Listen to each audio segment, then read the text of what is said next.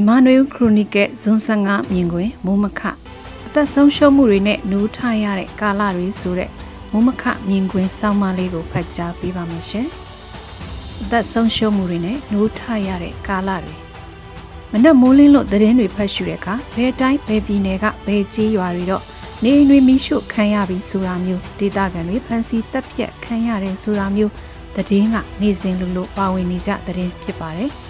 ဒီနေ့သတင်းတွေကိုကြည့်လိုက်ရင်ရေစကြိုမြို့နယ်က PDF စခန်းတစ်ခုကိုဝင်စီးရမှာစီရီယမ်လုပ်ထားတဲ့ပညာရေးဝန်ထမ်းကျောင်းအုပ်ကျောင်းဆရာဆရာမနဲ့သူနာပြုဆရာမတို့ပါဝင်9ဦးကိုစစ်ကောင်စီတပ်တွေကတတ်လိုက်တဲ့သတင်းတွေကထိတ်တန်းသတင်းအဖြစ်ဖော်ပြထားကြပါတယ်။သက်ဆုံးရှုံးရသူတွေတဲ့မျိုးသမီး3ဦးနဲ့မျိုးသား2ဦးဖြစ်ပါတယ်။သက်ခံရသူ9ဦးနဲ့4ဦးဟာဆရာနာမသိမ်းမီက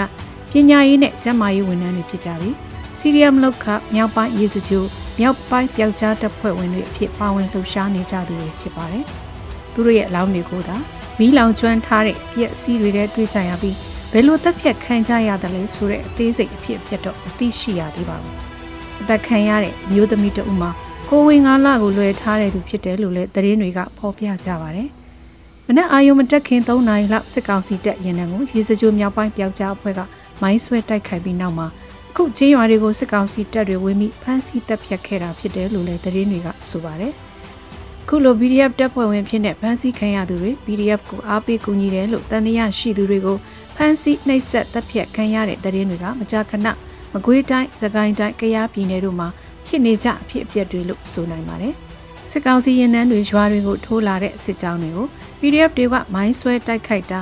ကြားပြက်တိုက်ခိုက်တာတွေလှုံ့ဆော်တဲ့အခါ စစ်ကောင်စီတပ်ဖွဲ့ဝင်တွေသေဆုံးရပြီဆိုရင်စစ်ကောင်စီတပ်တွေကလက်စားချေလက်တုံပြန်ဆောင်ရွက်တာမျိုးလည်းဖြစ်ပါတယ်။ဒီလိုရက်ဆက်စွာလက်တုံပြန်တာ PDF နဲ့ PDF လို့တန်တရားရှိသူအရက်သားတွေကိုပါညှဉ်းပန်းနှိပ်စက်တပ်ဖြတ်တာတွေကလုံရိုးလှုပ်စင်လို့ဖြစ်လာနေပြီ။ချင်းရွာတွေကိုဖျက်ဆီးတာပိုင်ဆိုင်မှုတွေကိုယူဆောင်သွားတာတွေကိုလည်းစစ်ကောင်စီတပ်တွေက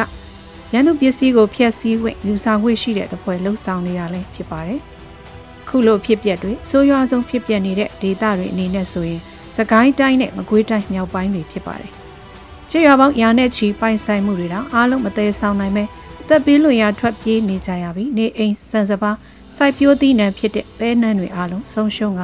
တောတောင်ထဲမှာအိတ်ဆက်နေကြရနေ့စဉ်စစ်ကောင်စီတပ်တွေလှုပ်ရှားမှုကိုစောင့်နှာထောင်ပြီးရွှေ့ပြောင်းနေထိုင်ကြရတဲ့အနေအထားလေးဖြစ်ပါတယ်။ပြီးခဲ့တဲ့ရက်ပိုင်းက NUG ရဲ့ဝင်ကြီးချုပ်မန်ဝင်းခိုင်တန်းကစကိုင်းတိုင်းနဲ့မကွေးတိုင်းတို့မှာဖြစ်ပွားနေတဲ့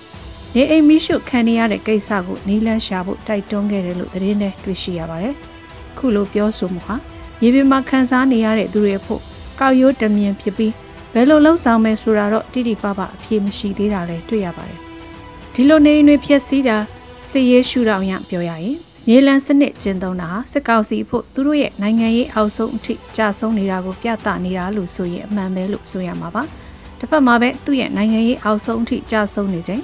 ဆီယနာရှင်စန့်ကျင်ရေးဒီမိုကရေစီရဲ့လက်နက်ကိုင်းလှုပ်ရှားသူတွေဘက်မှလည်းမိမိတို့ကိုထောက်ခံတဲ့ပြည်သူတွေကိုကာကွယ်ဖို့ဝတ္တရားကအရေးတကြီးရှိတာဖြစ်ပါတယ်။ပြည်သူကာကွယ်ရေးတပ်ဖွဲ့လို့အမည်ပေးခေါ်ဝေါ်တဲ့ PDF တွေအနေနဲ့ပြည်သူရဲ့အသက်အန္တရာယ်ပိုင်ဆိုင်မှုပစ္စည်းဥစ္စာတွေကိုလည်းကာကွယ်ပေးဖို့မဟာဗျူဟာအရေးရောဤဗျူဟာအရာပါထည့်သွင်းစဉ်းစားထားဖို့လိုအပ်မယ်လို့ယူဆပါတယ်။ကျေးရွာတွေအနီးမှာတိုက်ပွဲဖော်ဆောင်မလားသို့မဟုတ်ကျေးရွာနဲ့ဝေးတဲ့နေရာတွေမှာတိုက်ပွဲဖော်ဆောင်မလား လက်နက်ကင်တပ်ဖွဲ့တွေအခြေစိုက်တဲ့စခန်းတွေကိုခြေရွာတွေအနီးအနားမှာခြေရွာတွေထဲမှာအခြေဆိုင်မလားသို့မဟုတ်ခြေရွာတွေနဲ့အလံဝေးတဲ့နေရာမှာအခြေဆိုင်ကြမလားစတဲ့နီးဗျူဟာတွေကိုလည်းပြန်လဲသုံးသပ်ပြီးခြေရွာလူထုတွေအထိအခိုက်အဆုံးရှုံးနေအောင်ဦးစားပေးစဉ်းစားကြဖို့လည်းလိုအပ်မယ်လို့ထင်မြင်မိပါတယ်။ခုလက်ရှိဖြစ်ရတွေကိုလေးလာအကဲခတ်ကြည့်တဲ့အခါ PDF ဖွဲ့တွေအနေနဲ့ခြေရွာတွေကိုကာကွယ်ဖို့ရည်ရွယ်ပြီးခြေရွာတွေအနီးမှာအခြေစိုက်တာလားသို့မဟုတ်ခြေရွာတွေကရိတ်ခါနဲ့လူအင်အားအကူအညီရအောင်ခြေရွာတွေထဲမှာ ကျေးရွာတွေအနီးမှာခြေစိုက်တာလားလို့စဉ်းစားစရာရှိပြီးအခြားသောပြောင်းမြန်အကျိုးဆက်က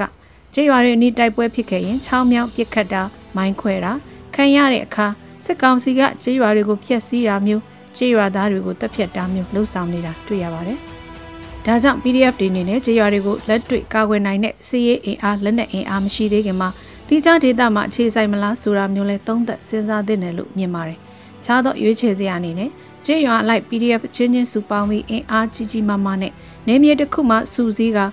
စစ်ကောင်စီကိုတိုက်ခိုက်တာမျိုးလည်းထည့်သွင်းစဉ်းစားကြဖို့လိုအပ်မယ်လို့ထင်ပါတယ်။ဒေသခံလူထုအနေနဲ့ PDF တွေကိုထောက်ခံအားပေးမှုရရှိရရှိအောင်ဒေသခံတွေရှင်သန်နေထိုင်နိုင်မှုသူတို့တံမွေးချောင်းလုပ်နိုင်မှုလည်းအရေးတကြီးလိုအပ်တာဖြစ်ပါတယ်။ဒေသခံတွေဆက်လက်မရှင်သန်နိုင်တော့ရင် PDF တွေအနေနဲ့လည်းဆက်လက်ရှင်သန်မှုခက်ခဲသွားမယ့်အရေးကြိုတင်တွေးဆထားသင့်ပြီလို့ယူဆမိပါတယ်ရှင်။